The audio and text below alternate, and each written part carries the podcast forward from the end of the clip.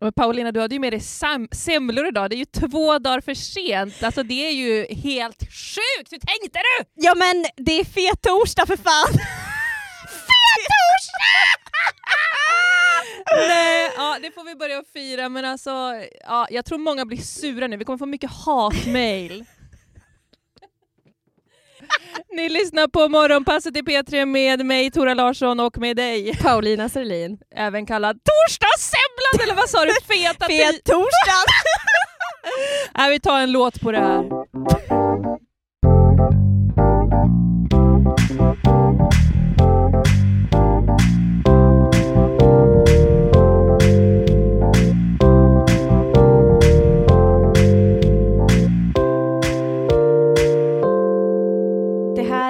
Vi leker journalister vi är inne på vårt tredje avsnitt. Yes. Idag är det internationella kvinnodagen och vi hade tänkt eh, djupdyka lite in i det. Mm. Mm. Vill du berätta lite om ordet kvinna, Tora? Ja, för enligt Merriam-Webster, som är en, ja vad säger man, en dictionary online. Ordbok. Mm. Mm. så är definitionen av just en kvinna, a woman, eh, lite olika saker. Nummer ett, an adult female person. Mm. Mhm. Det är Mm. logiskt. Nummer två, a woman belonging to a particular category as by birth, residence, membership or occupation, usually used in combination. Mm. Mhm. Men alltså, visst står också någonting mer? Ja, för punkten efter det är Ja. a woman is a woman who is a servant or personal attendant. Det där är ju också väldigt, väldigt konstigt. Varför har man med det? Men vänta, Alltså- betyder det att det är en kvinna som är betjänt eller Ja, personlig kvinn- assistent? Ja, typ. En, en personal attendant. Och jag tänker bara, Mm. inte, alltså fine att det finns där, men finns det även för män? Eller är det bara för oss? Det Ja. gäller. Att vi är någon himla servitrispersonal hela tiden, dygnet runt, eh, alla, ja. Dygnets alla timmar. Dygnets alla timmar. Ja, för det som definitionen av en kvinna är en kvinna som gör det här. Det är kon- jätte, Ja, det är jättekonstigt. Det är konstig definition. Ja. Men då eh, kan man ju lika också skriva a woman is a woman who is a boss, a woman Ja, who is ja. eh, in, eh, Who is in- a mother? at home, is in the city, Ja. a woman who is walking, a woman who is Talking. shy. Talking. Ska man är med allt kvinnor gör? Eller var, de har ju, av någon anledning har de ju plockat ut att man är någon Mm. typ av serveringsservant, alltså vad är betjänt. Men när man, när man hör det tycker jag ändå att man känner bara, ja. Fast det är ju typ lite ja, du sant. håller med. Ja, men jag blir förbannad, men jag Mm. tycker också att det är typ lite sant. Berätta. Ja, men vi har ju gått in på det här förut, men det här med att typ kvinnor håller på och krattar och vi, vi fixar i ordning och vi Mm. har hand om alla barn och vi ska göra dittan och dattan och se till Mm. att alla människor runt omkring oss har koll på vart de har sina saker och hit och dit. Men Mm. vi är ju typ en, en personal Ja. attendant. Det kanske är helt sant att det, står där. Det är helt sant. Och det är tragiskt, Mm. tragiskt men sant. Men det där har ju blivit nästan som en grej som man bara tar lite för givet. För det är ju väldigt Mm. bekvämt att man, kvinnor, även jag själv som kvinna, bara har den rollen att man tar hand om mycket. Och det, ju, Ja. det sticker ju verkligen i ögonen med en kvinna som Alltså det här är ju, jag är inte för detta, men det sticker ju faktiskt i ögonen med en kvinna som är motsatsen, det vill säga ställer väldigt mycket krav och är Mm. besvärlig och inte tar hand om någon annan. Och, Och bara skiter i allt. Ja, Ja, verkligen. det är ju jätteprovocerande tyvärr. verkligen. För det är ju inte samma Mm. sak för män. Men känner du att du befinner dig i den där rollen ändå ganska ofta då? Ja, absolut. Eh, och det är ju något som jag jobbar med. Ja, men typ när kan du, när känner du det eller när märker du det? Att du Att- är där? Att jag hamnar i liksom att ta Mm. hand om allt. Mm. Ja, men varje dag. Faktiskt Mm. varje dag. Men, Ja. Och det är ju mycket, ja, men dels på hemmafronten som eh, småbarnsmamma och liksom i en heterosexuell relation så Mm. tänker jag ju ofta på att nej, men nu har det blivit så där igen att jag vet vart alla alla prylar i hela huset, jag vet Mm. vart de är i Mm. detta nu. Du kan fråga mig, eh, tjocksockarna som är lila med en röd kant. Jag kommer Mm. veta att en ligger under soffan och en är i sin låda där den ska vara. Jag kommer veta vad som är på vinden, vad som är sorterat, vad som finns i skåpen, vad som är framme, vad som ligger i alla högar. Jag bara vet det, Mm. för jag håller koll på sånt medan ingen, Ingen i familjen gör vet Ja, så där kan jag ibland försöka träna på, eh, om man bara tar en sån grej, att veta Mm. vart grejer är, då brukar jag ju försöka träna på att när de frågar vart Mm. någonting är, inte säga det. för då, då bryter jag ju Ja. mönstret någonstans. Att Mm. Jag vet inte, säger jag, fast jag vet mycket väl Ja. att den är. Men det kanske är det som krävs också, även om det känns fel och lite så här som att man luras typ. Mm. Så kanske det är det som krävs för att det ska bli en förändring. Ja men precis, för det var, här veckan skulle ju min sambo åka iväg och behövde sitt pass och kom Mm. in i köket. Var är mitt pass? Jättestressad fast det Mm. var liksom imorgon jag skulle åka. Och då så sa jag, jag vet inte, fast jag visste ju. Mm. Men det, to det tog emot att se honom Ja. leta i lådorna och jag bara stod och knöt näven Ja. och bara det är den till höger, det är den till Mm. höger. Men alltså det där känner jag verkligen igen. Och det har hänt mig en del i mitt förhållande också, men Mm. framför allt typ under min uppväxt med mina föräldrar. Att Berätta. min, ja, men min mamma, för min pappa är lite så här tjollrig, shoutout till pappa. Nej men så här, ja, men han är fantastisk men han har ibland så här, inte jättebra koll på saker. Mm. Och då var det ju verkligen exakt samma grej, typ så här. åh vart är den här nu då? Och bara åh, typ har gått och letat överallt inom situationstecken. Mm. Och sen säger ändå mamma, ja men den är ju där i hallen i den där Mm. vänstra, längst ner i vänstra lådan. Mm. Och då, Alltså- då har du tagit efter. Ja, Mm. för jag är ju exakt likadan. Jag har också Mm. stenkoll på var saker finns. Fastän typ, vi har ju så här flera rotlådor hemma till exempel, där det är bara skrot. och, och jag vet ändå bara, ja men under allt skit, där ligger ju den där blåa pennan typ. Ja. Va- varför kommer man ihåg det ens? Mm. Det är jätteskumt. Men skulle man då kunna vända på det och se som att någon i familjekonstellationen, relationen, hemmet, hur man nu än bor eller lever, Mm. behöver ha den övergripande kollen på allting? Är det Ja. bra att en person har koll, men att det skulle behöva bytas ut? Eller, alltså för jag bara tänker, Mm. man skulle ju också kunna se på det som att ja, men om man axlar den rollen och säger ja, men då är jag den som har koll på allt och så får du vara den som har koll på det här eller gör Mm. detta. Alltså, skulle, skulle det vara en möjlighet? Är det så fel då att en person har koll på allting? Jag tänker, det kanske inte är så fel om det på något sätt ändå går jämnt ut. Alltså säga att, ja men i mitt förhållande till exempel, jag kanske ja, men är den som håller koll på den där blåa pennan då. Mm. Och sen kanske min partner, ja men inte vet jag, har koll på vad som fattas i, i kylen och frysen. Inte vet Ja. jag, alltså så.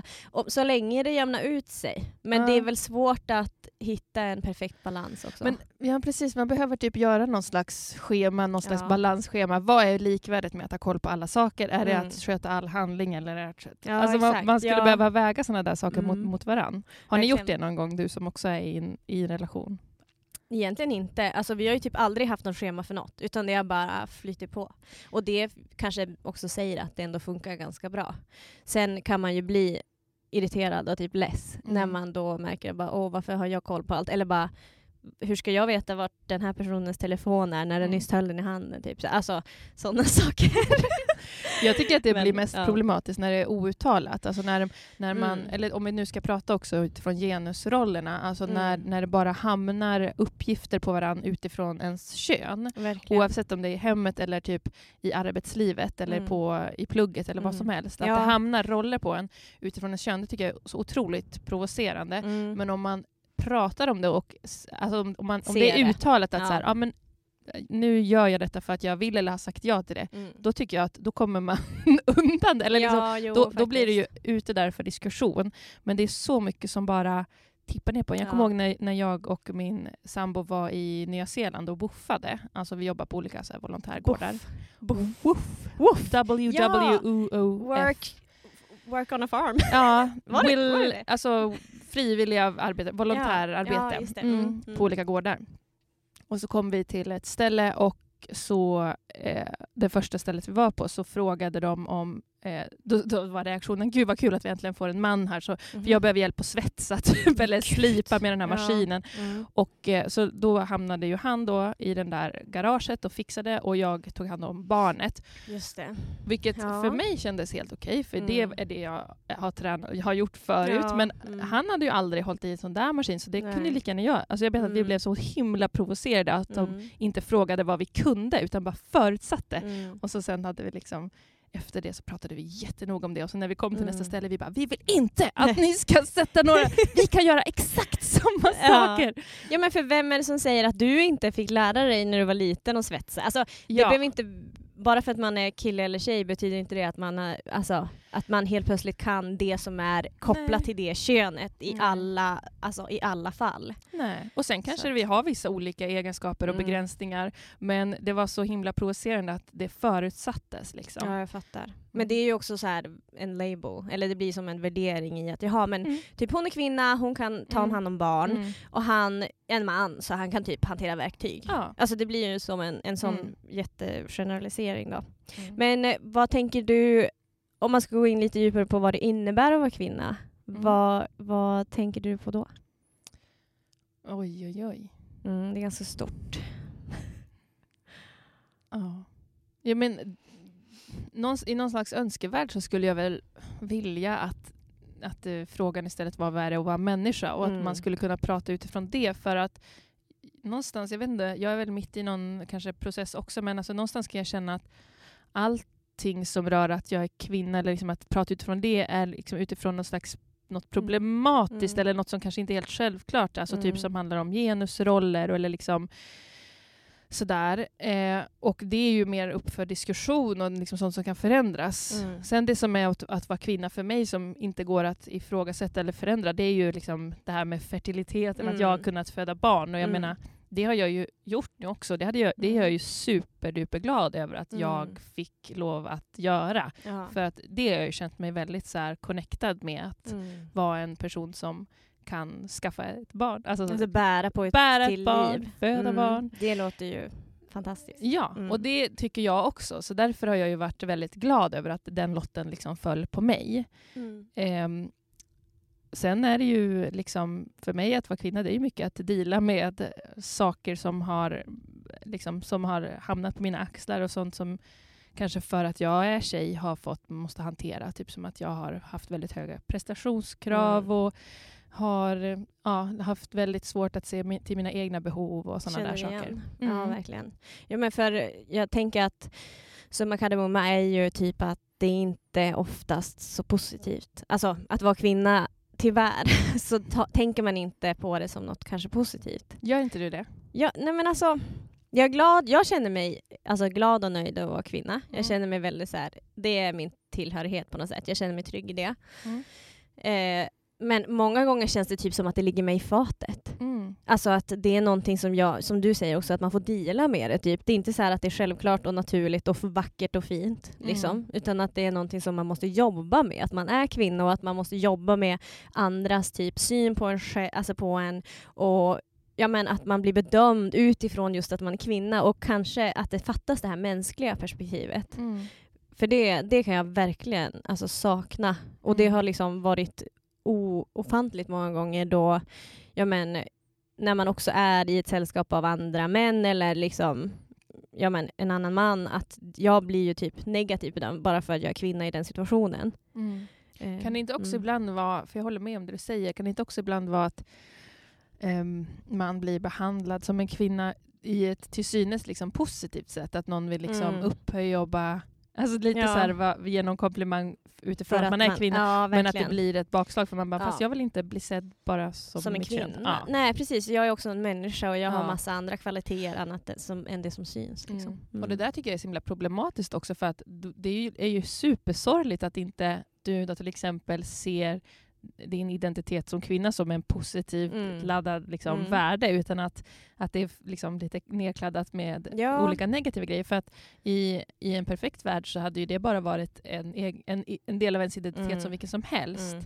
Att, Verkligen. och att det finns massa fördelar och massa härliga grejer med att vara sitt Ja, kön. Ja, ja men faktiskt. För jag tänker ofta på att så här, jag, för jag kan känna ibland att man blir lite låst i sin identitet också.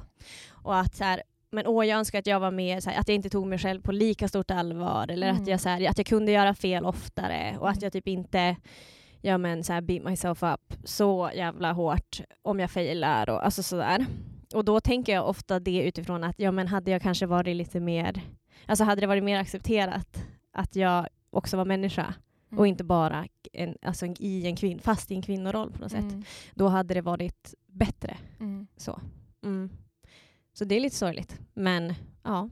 Men kan man inte, skulle inte du och jag kunna tänka en typ så nu att ja, men om vi ser på våra egenskaper och typ de problem vi facear i vår vardag eller det, det vi vill jobba med hos oss själva. Mm. Om vi liksom, vi, vi vet kanske att ja, men vi har de här egenskaperna och de här liksom, eh, mönstren i oss själva för att vi har blivit uppfostrade som tjejer. Men nu när vi vet det, kan vi då se på det att ja, men nu är jag en människa och det här är mina mänskliga egenskaper, det här är mänskliga Mm. problem, det här är eh, jag som människa behöver se över det här hos mig Verkligen. själv och liksom någonstans ta ett nästa steg i sin personliga utveckling och sitt liv. Att, att alla människor har saker att jobba på. Det Mm. är faktiskt inte så att alla kvinnor har samma typ av problem. Det finns Nej, såklart ett gud. mönster i att det är på ett visst sätt.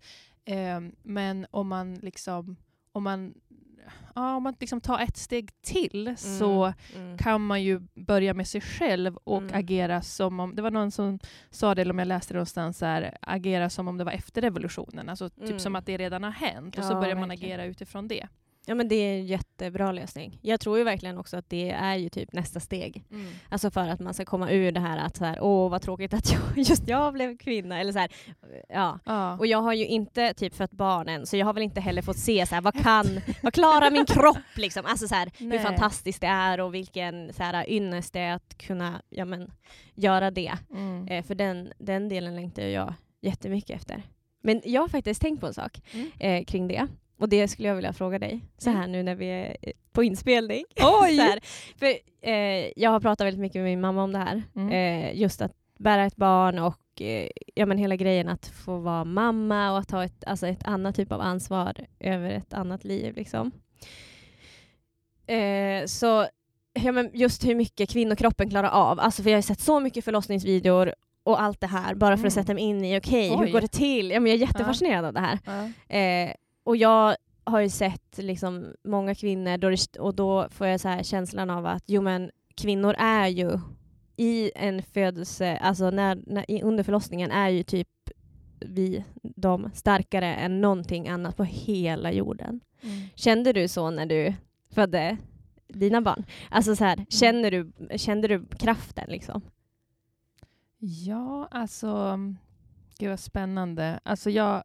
Mm, eh, hmm, jag, måste, alltså Mm. jag har ju fått två barn och det var ju väldigt olika upplevelser. För Mm. det, den första gången är alltid speciell på många sätt.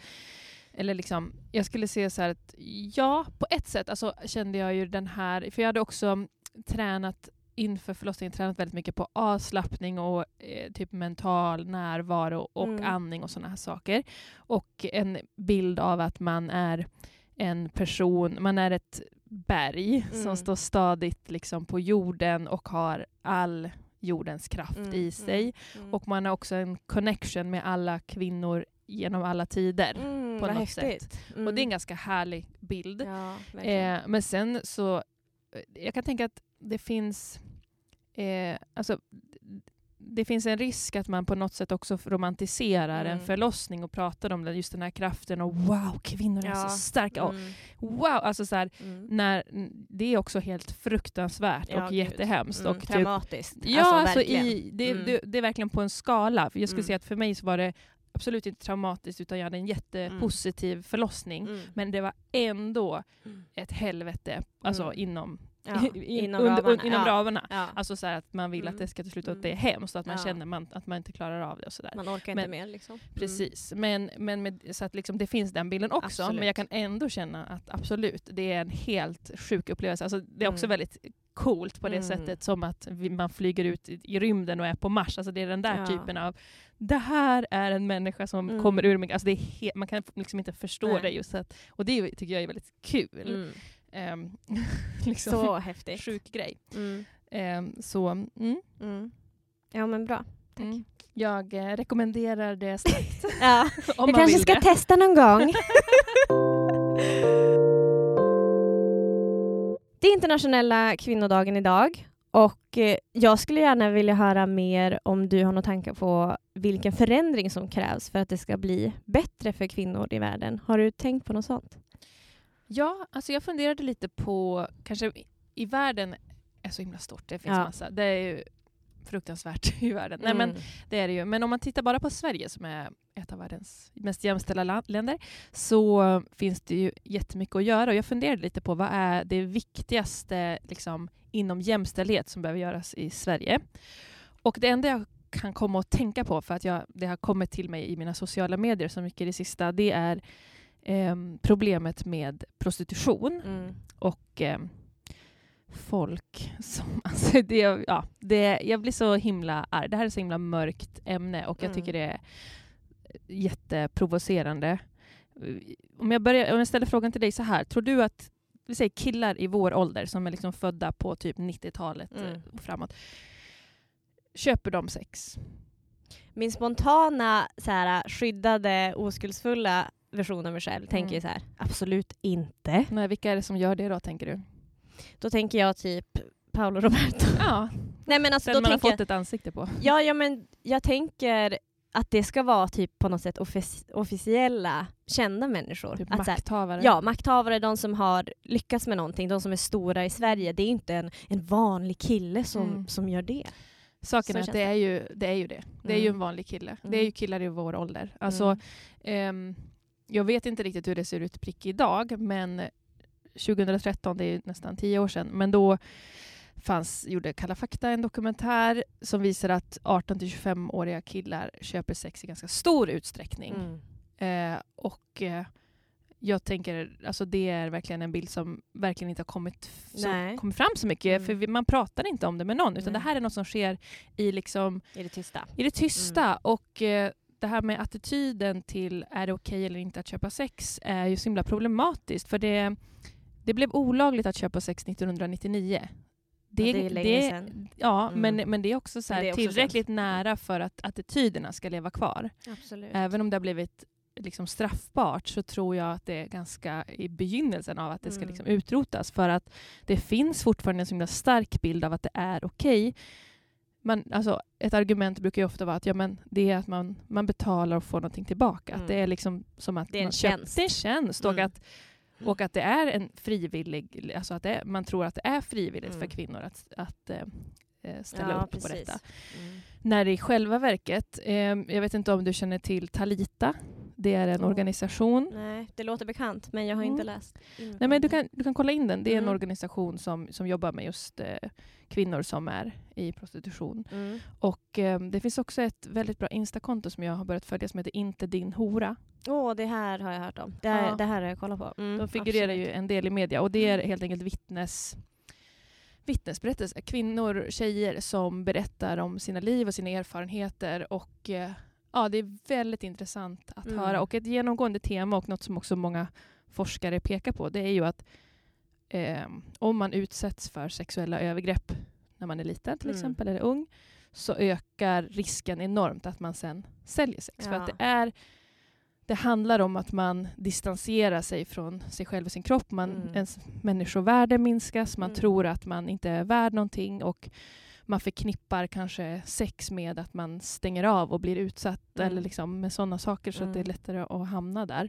Ja. Och, ehm, och den här bilden av att det typ är en entreprenör, kvinna Mm. som bara hur ska jag tjäna pengar? Jag kan, vad har jag för kompetens? Jag kan Mm. sälja, Jag jag, kan måla kroppen, naglar, ja. jag kan ligga med män, ja. jag får ligga med massa män. Alltså den Mm. bilden är ju, tror jag många vill liksom ha kvar Mm. för att det är för mörkt att tänka att det är liksom tonårstjejer som inte har något människovärde som Mm. blir utsatta för våldtäkter och får pyttelite pengar, eller whatever Ja. vad de får för pengar. Ja. Men alltså, det är liksom inte en business på Nej, det sättet. det är inget entreprenörskap i Nej. det och det är inget, det är inget jobb man tar för att man inte hittar något café servicejobb. Liksom. Utan den här organisationen Talita då, som träffar Mm. kvinnor som har varit i prostitution eller är, de, det står på deras hemsida att de har aldrig än så länge träffat en kvinna efter att ha lärt känna henne som uppger att hon mår bra av detta. Mm. Kanske är det någonting man säger först för att man, är, man just har delat upp kanske till och med sin person i två personligheter. Ja. Alltså för att man vill distansera sig från detta eller att man stänger av sina känslor så mycket att man intalar sig själv att man mår bra av detta. Eh, men de har aldrig träffat en kvinna som mår bra av detta och det tycker jag är ganska viktigt att ta in. Mm. Ja, Även om verkligen. den, ja. Och jag tänker på killar som lyssnar att det är ju ett, liksom problemet ligger hos er. Det handlar om att Mm.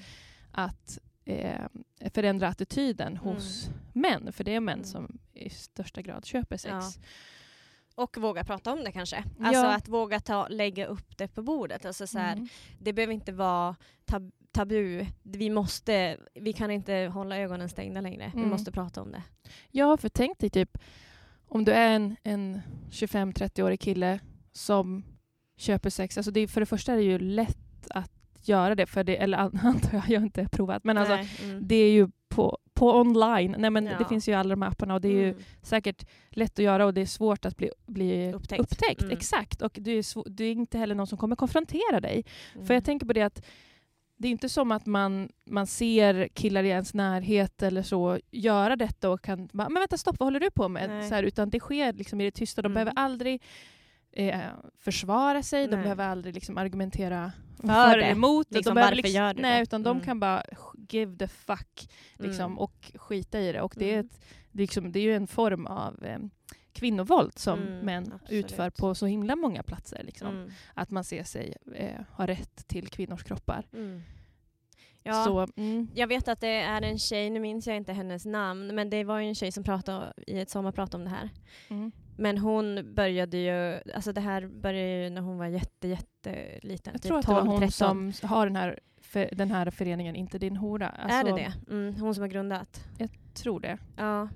För jag minns att jag lyssnade på det här, om det var förra eller förra, förra året. Och jag har Ja. varit väldigt eh, tagen och bara otroligt eh, förtvivlad över hur hon såg på sig själv tills hon till slut träffade en annan eh, människa, en man som Mm. visade henne vad, liksom, för hon kunde inte hitta Som hjälpte henne ur, ja, eller? hjälp, Mm. ja, men och att hon insåg typ att jag behöver inte använda min kropp på det här sättet. Typ, att hon ja, Mm. men kände kärlek på ett annat sätt. Mm. För hon, det var också mycket det här med att vara avtrubbad och typ, kroppen var ändå typ så förstörd att det spelar Mm. ingen roll hur mycket eller vad som händer med den. Det är lika, Mm. det är shit the same typ. Vissa Ja. ser ju också som en typ av själv... Eh, Skadebeteende. Skadebeteende, Ja, ja. gud ja. Mm. Jo, att, och det är också det, är det som är så galet och hemskt att det bara fortsätter. Mm. Fastän man, de, Mm. de människorna som blir utsatta för det här tänker att åh gud, det här är det värsta som har hänt mig. Så det, är som, det blir som ett typ beroende, att man Mm. fortsätter Och göra jag, det. jag tänker verkligen att det är två saker om man ska se på förändringen. Mm. Och det är ju dels att alltså, tjejerna, Mm. unga tjejer oftast, att liksom ha ögonen ute kring, om man, om man har, känner unga tjejer Mm. i sin närhet eller så, att liksom ha ögonen öppna på samma sätt som att man ska hålla utkik efter psykisk ohälsa eller Ja. att, att tjejer inte mår bra på vissa sätt så är det här också en grej som eh, som tjejer gör. Och jag menar, idag på sociala medier så förekommer också så sexuell exploatering på Mm. ett annat sätt. Att man kanske skickar, bl- blir utpressad att skicka en nakenbild Ja, och när man gud. väl har gjort det då tvingas man göra mycket värre grejer. Och det där är också Ja. jättevanligt. Jag tror det var Mm. eh, enligt en undersökning var det 6 eh, 4 procent av alla 15 till 19-åringar i Mm. Sverige som har blivit utsatt för detta. Mm. Alltså en Mm. i varje klass, nian till trean Ja. på gymnasiet, Mm. som har blivit utsatt för det. Och både tjejer och killar. Mm. Men jag Och tror det- att det är jättevanligt. Mm. Händer mer och mer också. Ja. Och att det typ har blivit en försäljning också i, typ genom sociala medier Mm. med typ, vad heter det, MyFans, Onlyfans, att Ja, du kan exakt. köpa till dig bilder redan och att de här Mm. människorna då lägger ut och att du får tillgång till ett exklusivt material Ja, och det är deras bilder på deras kroppar. Mm. Liksom. Precis, för det är ju Mm. ena sidan att liksom tjejers utsatthet och att fång- fånga upp dem. Men sen är det den här jävla efterfrågan. Alltså Mm. vad fan Och är Hur kan det? det finnas en efterfrågan Ja, alltså sånt? vad Mm. håller killar och män på med? Så jag fattar verkligen inte. Alltså hur... Mm. Man är så... Man, man kan ju, ha- har man liksom tagit in... Alltså om man till exempel går in på Inte din hora på Instagram, som Mm. jag tycker alla ska göra, och typ Mm. läser fem minuter. Du kom, alltså, Mm. man, har man inte gjort... Alltså, Har man inte här- gjort det än så gör man det nu. Gör det nu, för att Mm. jag, jag fattar inte hur man kan ha den synen på människan och sig själv och Mm. andra, att man kan göra det. Nej. Men det är så himla himla vanligt. Och det är så, Mm. jag, kan, jag vet inte hur snacket går liksom bland män. Om Nej. det finns en kultur att man pratar om det, att det är okej, eller om det är tabu även bland män. Och att de ser sig själva som offer som gör Mm. detta för att man är så himla ensam eller whatever. Men Mm. alltså, det, ja. Men jag tänker, jag tänker så här, om man, för både tjejer ska ju ta hand om tjejer och se efter varann och man ska hålla utkik för sånt här. Men det blir också viktigt att killar som får höra om sånt här eller där snacket går, att man då säger till sin bro, till sin Mm. killkompis att bara Vänta va? Eller så här, att man ifrågasätter, vad sa du? Har du Mm. köpt sex? Eller att Mm. man, Eller att man skojar om det. ja men ens, att, eller vad, vad det nu kan vara. Nej, exakt, och att Mm. man fångar upp det och typ, alltså, typ allvarligt. Du köper sex och så här, vet du vad det innebär? Alltså, det Verkligen. behövs ju också, även fast det kan kännas som en jobbig situation och att det, det är liksom inte något man pratar om och va- vardera människ- människor får göra vad de vill, så är det ändå så här, man måste ändå visa vart så här, gränsen går.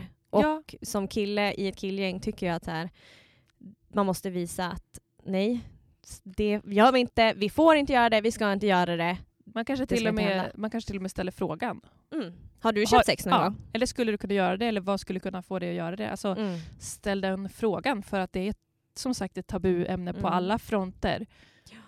Verkligen. Och Mm. så här, bara öppna upp för det i alla fall. Och Mm. säg så här, har du, ja, har du, gå rakt på, på sak Mm. liksom. Har du Mm. någon gång köpt sex? Mm. Hur tänker du om det här? Har du, har du hört om, ja men inte din hora. Alltså att man kan, ja, ta upp det mer. I den här Kalla fakta-dokumentären som gick då för ganska många år sedan så står det här att en av killarna som intervjuas i programmet eh, han, han beskrev det som att det kändes obehagligt, nästan som en våldtäkt första gången han köpte sex. Känslan var ganska lätt att skaka av sig efter några besök. Sedan dess har Simon citationstecken, fortsatt att träffa personen cirka en gång i månaden. Alltså första gången tyckte han var obehaglig men han fortsatte ändå. Det där är ju jätte... Vad är det som gör att man släpper på den känslan? Det skulle jag vilja veta. För om det känns som en våldtäkt, alltså våldtäkt är ju något av de så här grövsta ja, men våldsbrotten i Sverige kan man väl säga ändå. Ja. I, i, alltså i, i spannet. Absolut. Och hur skulle man vilja överkomma den känslan av att nu har jag utsatt någon för våldtäkt men jag gör det gärna igen. Mm. Alltså vad, vad är det som gör att man hamnar... Kan det Där. vara liksom machorollen? Att, för han, det där var när han gick på gymnasiet första Mm. gången. Att det kan, kan det ha funnits, nu gissar jag bara, men kan det ha funnits någon typ av grupptryck? Liksom att man gör så? Men jag tänker att det kan också handla om det här med incels. incels. Eh, att så här, jag hittar inget annat sätt att Mm. få, få ligga. Ja, och det är Ja. så synd om mig. Ja, det är synd om mig. Mm. Och för att jag ska kunna få någon typ av status Mm. eller få vara med liksom, en i gänget så måste jag ju i alla fall kunna ha sex. Ja. Och även om det kost, alltså kostar vad det kostar vill. Mm.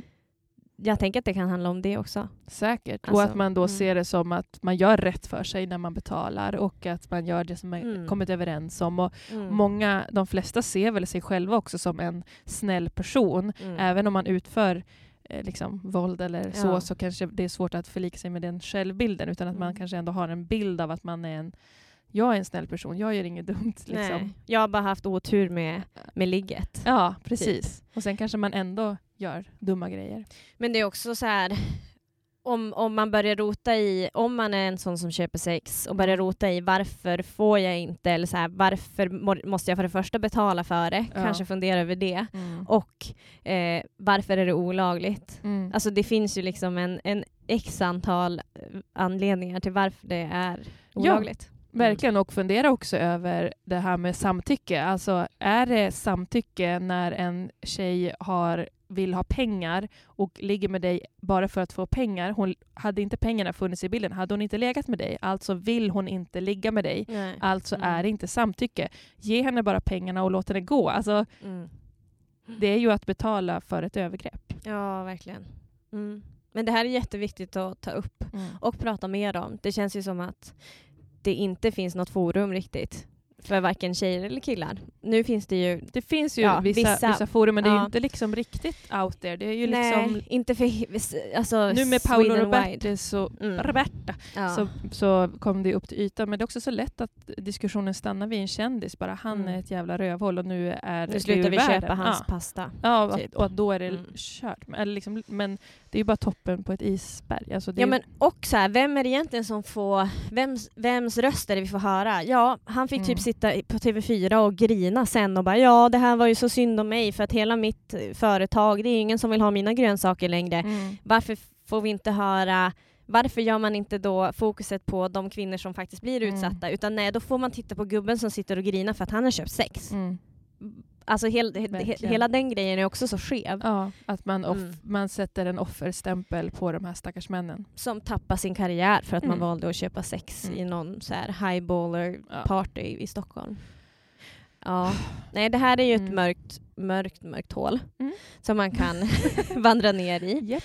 Och det är tufft men man måste ju prata om det. Ja, och Mm. vill man veta mer så kolla Mm. inte din hora. Kolla in det här Precis. sommarpratet med Matilda Hoffling från 14 juli 2021. Mm. Jätteviktigt, jättebra att lyssna på. Oavsett vilken människa man är Mm. så behöver man höra det. Mm. Nu till någonting helt annat. Mm. Eh, lite kul tänker jag att vi skulle ha det nu. Mm. Jag tänker på förebilder. Mm. Du, jag vet att du har massa förebilder. Ja. Vilka är dina bästa kvinnliga förebilder in life? Ja, okej. Just nu, för det finns ju tusentals. Ja, men verkligen. just nu, Just nu. 2022, Ja, 8 just nu. mars. Mm. Alltså, den första kvinnan som eh, comes to mind, det är Mm. faktiskt Stina Wolter. Jag tycker hon är fantastisk. Alltså, det är ju många som har koll på henne just tack vare hennes pappa. Mm. Men jag tycker att eh, ja, men hon har ju haft mycket radioprogram, hon har en fantastiskt härlig röst, hon är jätte så här, stor personlighet. Hon säger ju verkligen inte typ sorry för att hon är sig själv, utan hon bara är. Hon är bara så sig själv. Hon har ett ganska stort Instakonto, men hon är också konstnär, musiker och... Kulturdam kan man väl säga. Ja. Hon gör ju verkligen allt. Mm. Alltså spelar musik och allt möjligt. Väldigt så här, äh, poetisk och så. Härlig. Eh, och eh, faktiskt så hade jag liksom, det har gått i perioder med henne för mig. Eh, och igår så såg jag henne på Karina Bergfeldts eh, tv-program och då var hon intervjuad där. Så att jag fick så här upp gnistan igen, bara gud hon är verkligen så magisk person. Hon är ju så här, som ett barn nästan. Hon är en vux- fullvuxen kvinna men hon agerar som ett barn. Superhärligt. Men vad är det som är så härligt? För... Ja, berätta, vad är det mm, hon gör? Ja, alltså Eller inte gör? inte gör. Ja men för hela grejen till varför jag ens fick upp ögonen för henne var ju genom ja, men hennes Instagram. Då. Hon Mm. vart ju typ, det vart lite så här fame över en kväll fastän hon var ju känd innan men Ja. hon började göra så här fuldans hemma typ i vardagsrummet. Ja, hon är ju liksom pionjär när det kommer till att dansa i köket. Ja, och typ ofta lättklädd liksom Ja. här. Någon, som hon sa igår på programmet, någon rea-bh från någon mack någonstans typ. Ja. Och mamelucker typ. Alltså hon är verkligen ja, men, så härlig. Och eh, hon har ju typ gjort det till sin grej. Hon kör fulldans lite nu och då när Mm. hon står hemma eller i stugan typ. Eh, och eh, stor del av hennes arbete är ju det här med kroppsaktivism. Ja. Så jag skulle säga att det omfattar för henne typ att hon tar tillbaka rätten till sin kropp. Just för att så här, kvinnor bedöms ofta utifrån en utseende variabel. Liksom. Mm. Eh, och hon har väl fått höra alldeles så många gånger och liksom kommentarsfälten fylls både av liksom kärlek och hat. Att det är många som bara, men du som är så tjock eller du som är så, har så mycket här och där. Oj vad det är, typ studsar hit och dit. Och, Mm.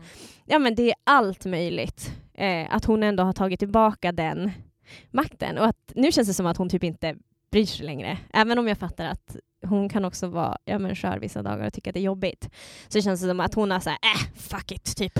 Det här är ändå så jag ser ut, typ. Så här är jag. Jag tycker det var så himla bra en... Jag såg henne, jag tror det var på TV4 Morgon eller Mm. något sånt där, Nyhetsmorgon, när hon satt och pratade om just det här med att tänk om vi skulle kolla på våra kroppar så som vi kollar på typ ett landskap. Eller det låg lite så här eh, frukter på, ett, på bordet, typ så här Mm. pumpor för det var höst eller någonting.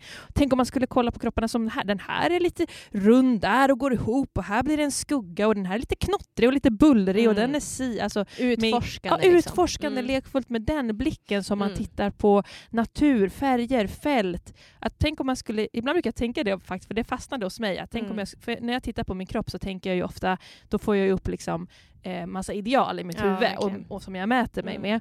med. Eh, tänk om jag skulle titta på, alltså det, det är nästan mindfuck när man inte är van att göra det. Tänk om jag skulle Mm. titta på min kropp utifrån det här, liksom, den blicken. Verkligen. Det blir någonting helt annat. Ja, men det, det är väl det som är, hon är så duktig på, att så här, ändra perspektivet på något sätt.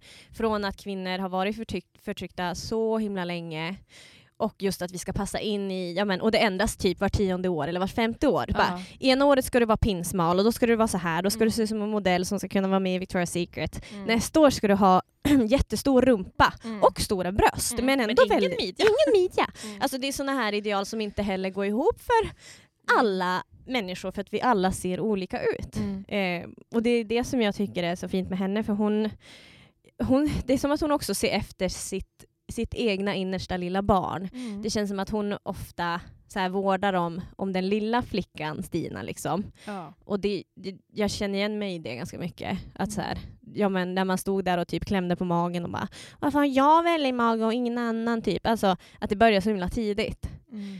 Eh, och så fint att hon nu äntligen så här, bara frigjort sig på något sätt. Mm. Eh, så att verkligen shout-out till henne.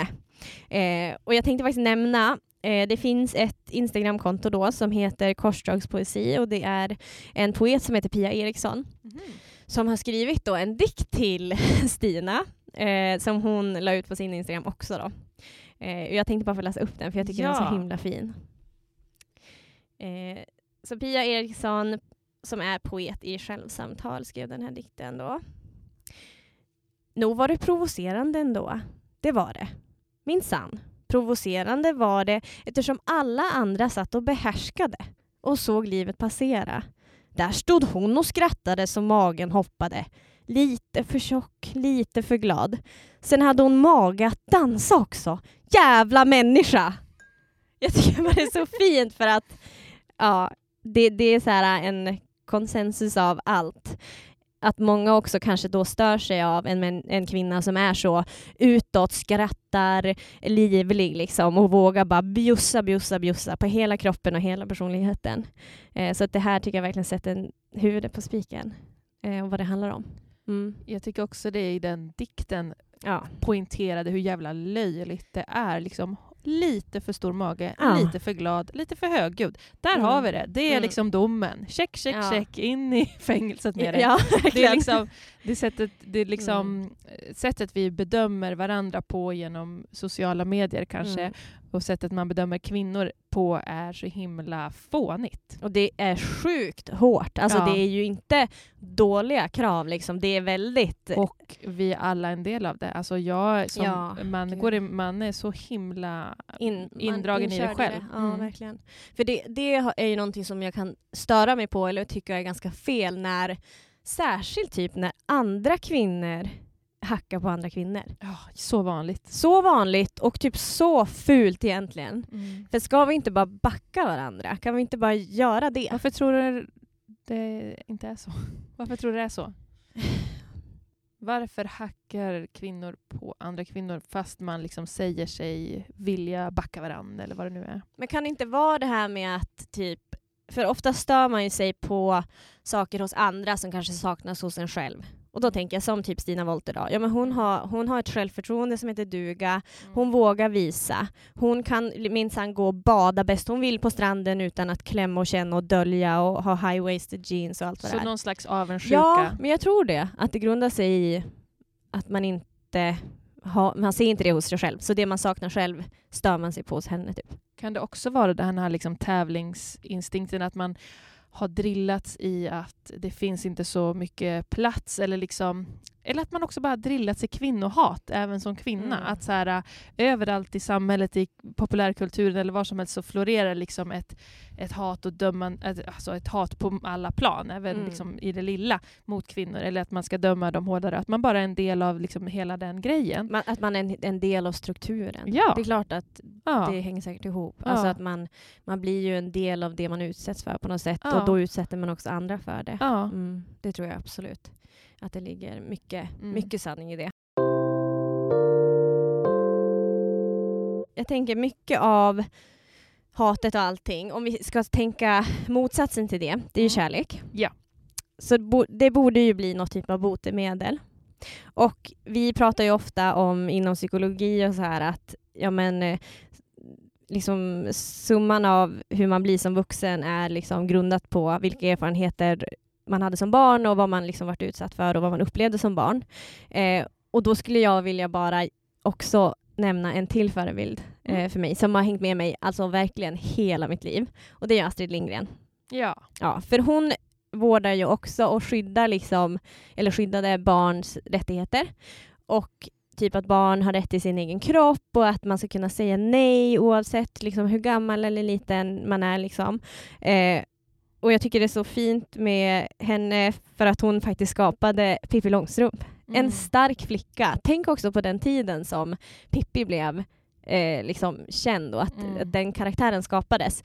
Jag vet att Astrid Lindgren fick mycket typ också, inte hat, men att det var många som... Kritik. Ja, mycket kritik så här. Men gud, hur har du tänkt nu? En flicka som ska bära på en häst, en Ja. flicka som gör det här. Och att barn ska lära tokig. sig av henne liksom, Ja, hur man mm. beter sig. Att Mm. typ att det var bara trams och att så här, Mm. du kan inte visa att flickor ska kunna typ klättra på taket och alltså att de, de, jag vet att många föräldrar under den tiden hade typ skickat in brev till Astrid Lindgren och sagt att eh, ja, men barnen kommer bli galna typ Mm. utifrån det här. Ja. Och ändå, hon började ju jättetidigt med det här arbetet för att ja, men typ alla, alla barn ska bara få vara barn, Mm. man ska få ja, men vara människa egentligen. ja, och få leka och få vara Mm, fri och få vara fri. barn. Mm, Mm. verkligen.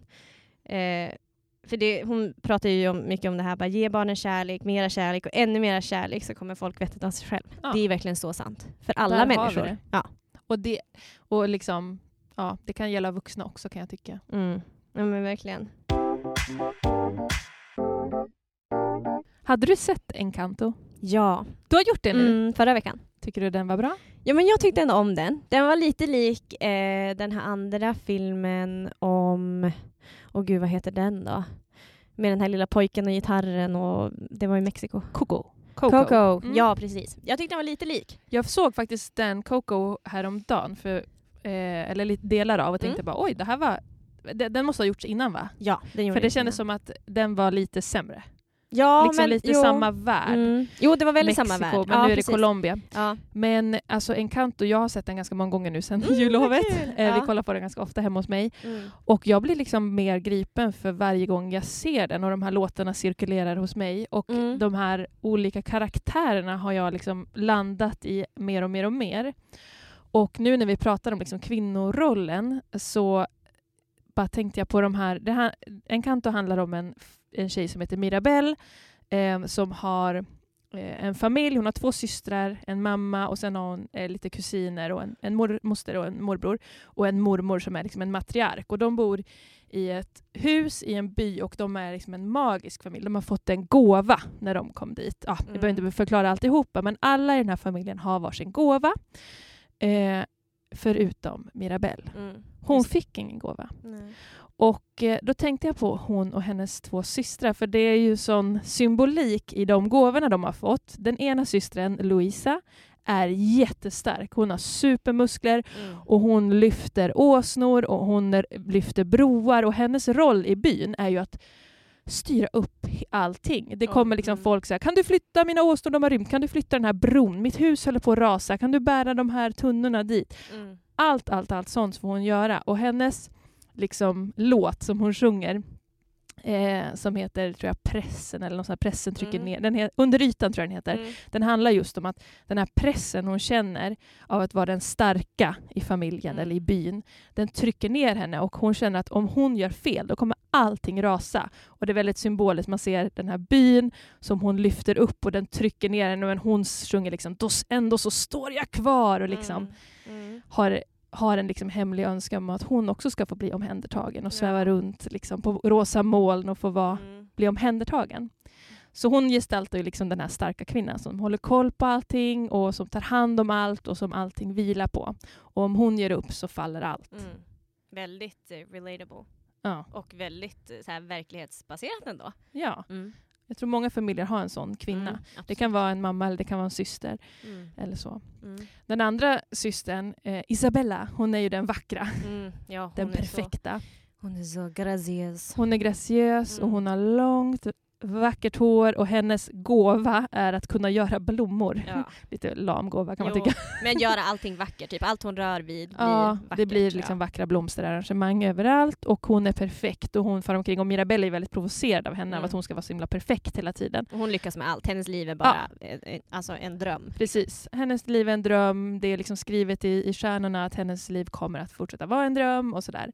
Men när hon har sin låt där hon berättar om sina innersta känslor, då kommer det ju fram Mm. att hon vill inte alls vara perfekt. Ja men det var då du skulle gifta dig med den här killen som är liksom det perfekta paret. Nej, jag vill inte. Jag gör det för familjen. Då kommer det fram att nej, hon har så mycket krav på sig Mm. själv att vara perfekt. Hon vill inte det alls. Och när hon då frigör sig så blir det väldigt symboliskt. Mm. Spoiler alert! Mm. så eh, skapar hon istället kaktusar. Hon upptäcker Mm. att hon kan göra annat med sin kraft Mm. än att bara vara perfekt och vacker. Mm. Så det, det är liksom den pressen av det här ytliga kanske, eller det, alltså att vara perfekt utåt sett. Ja, verkligen. Både med liksom utseende och allt runt omkring. Ja, superbra. Mm. Mm. Och sen Mirabelle då själv som någonstans symboliserar den här känslan av att inte räcka till. Hon Mm. fick ingen gåva. Hon, är Mm. inte riktigt, hon duger inte riktigt. Nej. Även om föräldrarna säger vi älskar dig så känner hon innerst inne att jag är inte tillräckligt bra. Mm. Jag måste liksom eh, agera för att liksom väga upp för att jag inte duger som jag är. Så hon försöker ju väldigt hårt. Hon försöker liksom hela tiden att hjälpa och vara glad. Och ett av barnen säger Mm. din gåva kanske är att hålla god min för hon tycker att Mm. hon hela tiden håller så himla god min Ja. trots att hon borde bara vara ledsen. Mm. Men hon håller jättegod min och hon försöker liksom väga upp för känslan av att inte räcka till. Mm. Så de här tre liksom symbolerna som de här, de, de här tre kvinnorna i familjen gestaltar, liksom att vara stark och aldrig släppa liksom kontrollen, att Mm. vara perfekt och sen också samtidigt inte känna att man räcker till. Och då, jag tyckte det, när jag liksom såg den här filmen för 50 gånger, Ja. den föll liksom på plats att bara, men gud det där är ju en del av mig. Ja, alltså den här bilden av kärnan. duktiga flickan. Det är inte hela mig men jag kunde verkligen känna igen mig i de här egenskaperna. Mm. Mm, verkligen, nu när du säger det så, så ser jag ju verkligen det här. Men jag Mm. tänkte ju faktiskt inte på det alls när jag såg den. Nu har jag ju bara sett den en gång. så jag borde se den igen och Mm. kom, komma på den här grejen. Men det är ju en jättefin och sann liknelse över hur det faktiskt kan se ut för kvinnor. Mm. I, i alla de olika rollerna liksom. Och Mm. även matriarken egentligen kan man ju säga, hennes eh, mormor eller farmor. Mormor ja. Mormor, Mm. ja.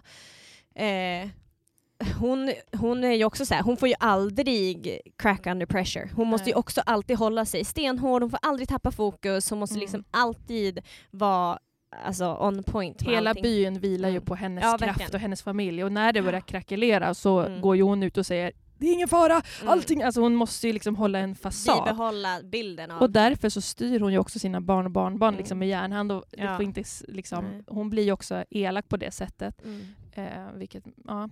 precis. Så, så det, ja, den Så- filmen rekommenderar jag starkt om, Mm. om man har möjlighet att se den. Mm. På, av många anledningar. Ja, men, men- den är, den är Mm. fantastisk. Väldigt Mm. härlig visuell upplevelse Ja, också. det också. Den är väldigt Mm. fint gjord liksom. Mm. Och bra soundtrack. Yeah. We don't talk about Ja. Bruno, no. Det är ju världens mest spelade låt. Ja, Ja, det är helt sinnes- sjukt Ja. alltså. Det är, inte, är den så bra tänker jag? Nej, men den är, li- den är väldigt catchy på ett konstigt sätt. Typ. Det är därför den har fått Verkligen. så mycket Mm. kärlek. Men du Paulina, vi ska avrunda nu. Jag tänkte bara Mm. lämna ordet till dig innan vi avslutar. Vill du skicka med våra lyssnare någonting efter dagens avsnitt? Ja, men jag tänker att nu har vi gått igenom både sånt som har varit jobbigt, tragiskt, tungt så och typ det här som är negativt med att vara kvinna. Ja. Men jag tänker också alltid, det finns ju något on the flip side, att så här, det är också så mycket fint med att vara kvinna, människa idag, även om världen ser ut som den gör. Eh, och någonting som jag ändå vill skicka med det är ju att så här, låt dig inspireras av andra andra kvinnor och andra människor runt omkring. Eh, så jag vill bara tipsa på några Insta, om några Insta-konton som jag följer som hjälper mig att lyfta mig själv genom vardagen. Eh, Yes. Jag skriver in dem nu när du ja. säger dem och börjar Jajamän. följa direkt. Ja men Jenny S Fred, hon är en superhärlig tjej, faktiskt local. Eh, Sundsvallsbo, hon bor på en ö utanför Sundsvall. Eh, och hon är så jätte, jättehärlig, bjuder på sig själv, dansar också mycket. Bara allmänt otroligt sund kvinna. Jättekul att följa. Så. Eh, sen har vi även Johanna Blad, hon är faktiskt eh, journalist också. Okej. Och hon har Tjejpodden med Amanda Lekland, så båda de två är ju Mm. superhärliga och drivna och visar också mycket så här, kroppen ser inte bara ut som på Instagram utan den är också en, en kött och blod. Liksom. Så här, det tycker jag är fint att man får Ja. se. Och sen vill jag också tipsa om Penny Parnevik faktiskt. Ah. För hon gör ju så mycket för mammor, tänker jag. Och hon är ju väldigt mycket att vi ska lyfta varandra istället för att trycka ner varandra och typ göra pekfingrar och så. Hon vill ju bara att man ska få vara, man ska få amma så länge man vill, man ska få liksom, ja men ta hand om sina barn på det sätt man vill och, Mm. och också ha egen tid fast man är mamma, kvinna, Mm. syster, ja allt vad det innebär. Mm. Så att, ja men shout-out till några starka, fina, duktiga. Gud vad kvinnor. härligt. Mm. Jag vill ha mer inspo i mitt instaflöde. Ja men jag med. Gud vad roligt. Tack så jättemycket och tack för att ni har lyssnat idag. Ja, Alla tack. lyssnare som hänger med på den Ja. här resan. Eh, men då avslutar vi avsnitt tre. Nästa vecka, vi kan ju lämna en liten cliffhanger, Ja, så ska vi ju ha med Nora från Bachelor. ja Så vi det har vår första gäst. Ja. Så om ni har frågor ni vill att vi ställer till Nora om Precis. produktionen, Bachelor eller till Nora i allmänhet så Mm. skriv till oss på Insta. Ja, för då, då ställer vi dem då i så fall. Mm. Men annars, ha det fint tills vi hörs igen. Det gör vi. Hej då! Hej då!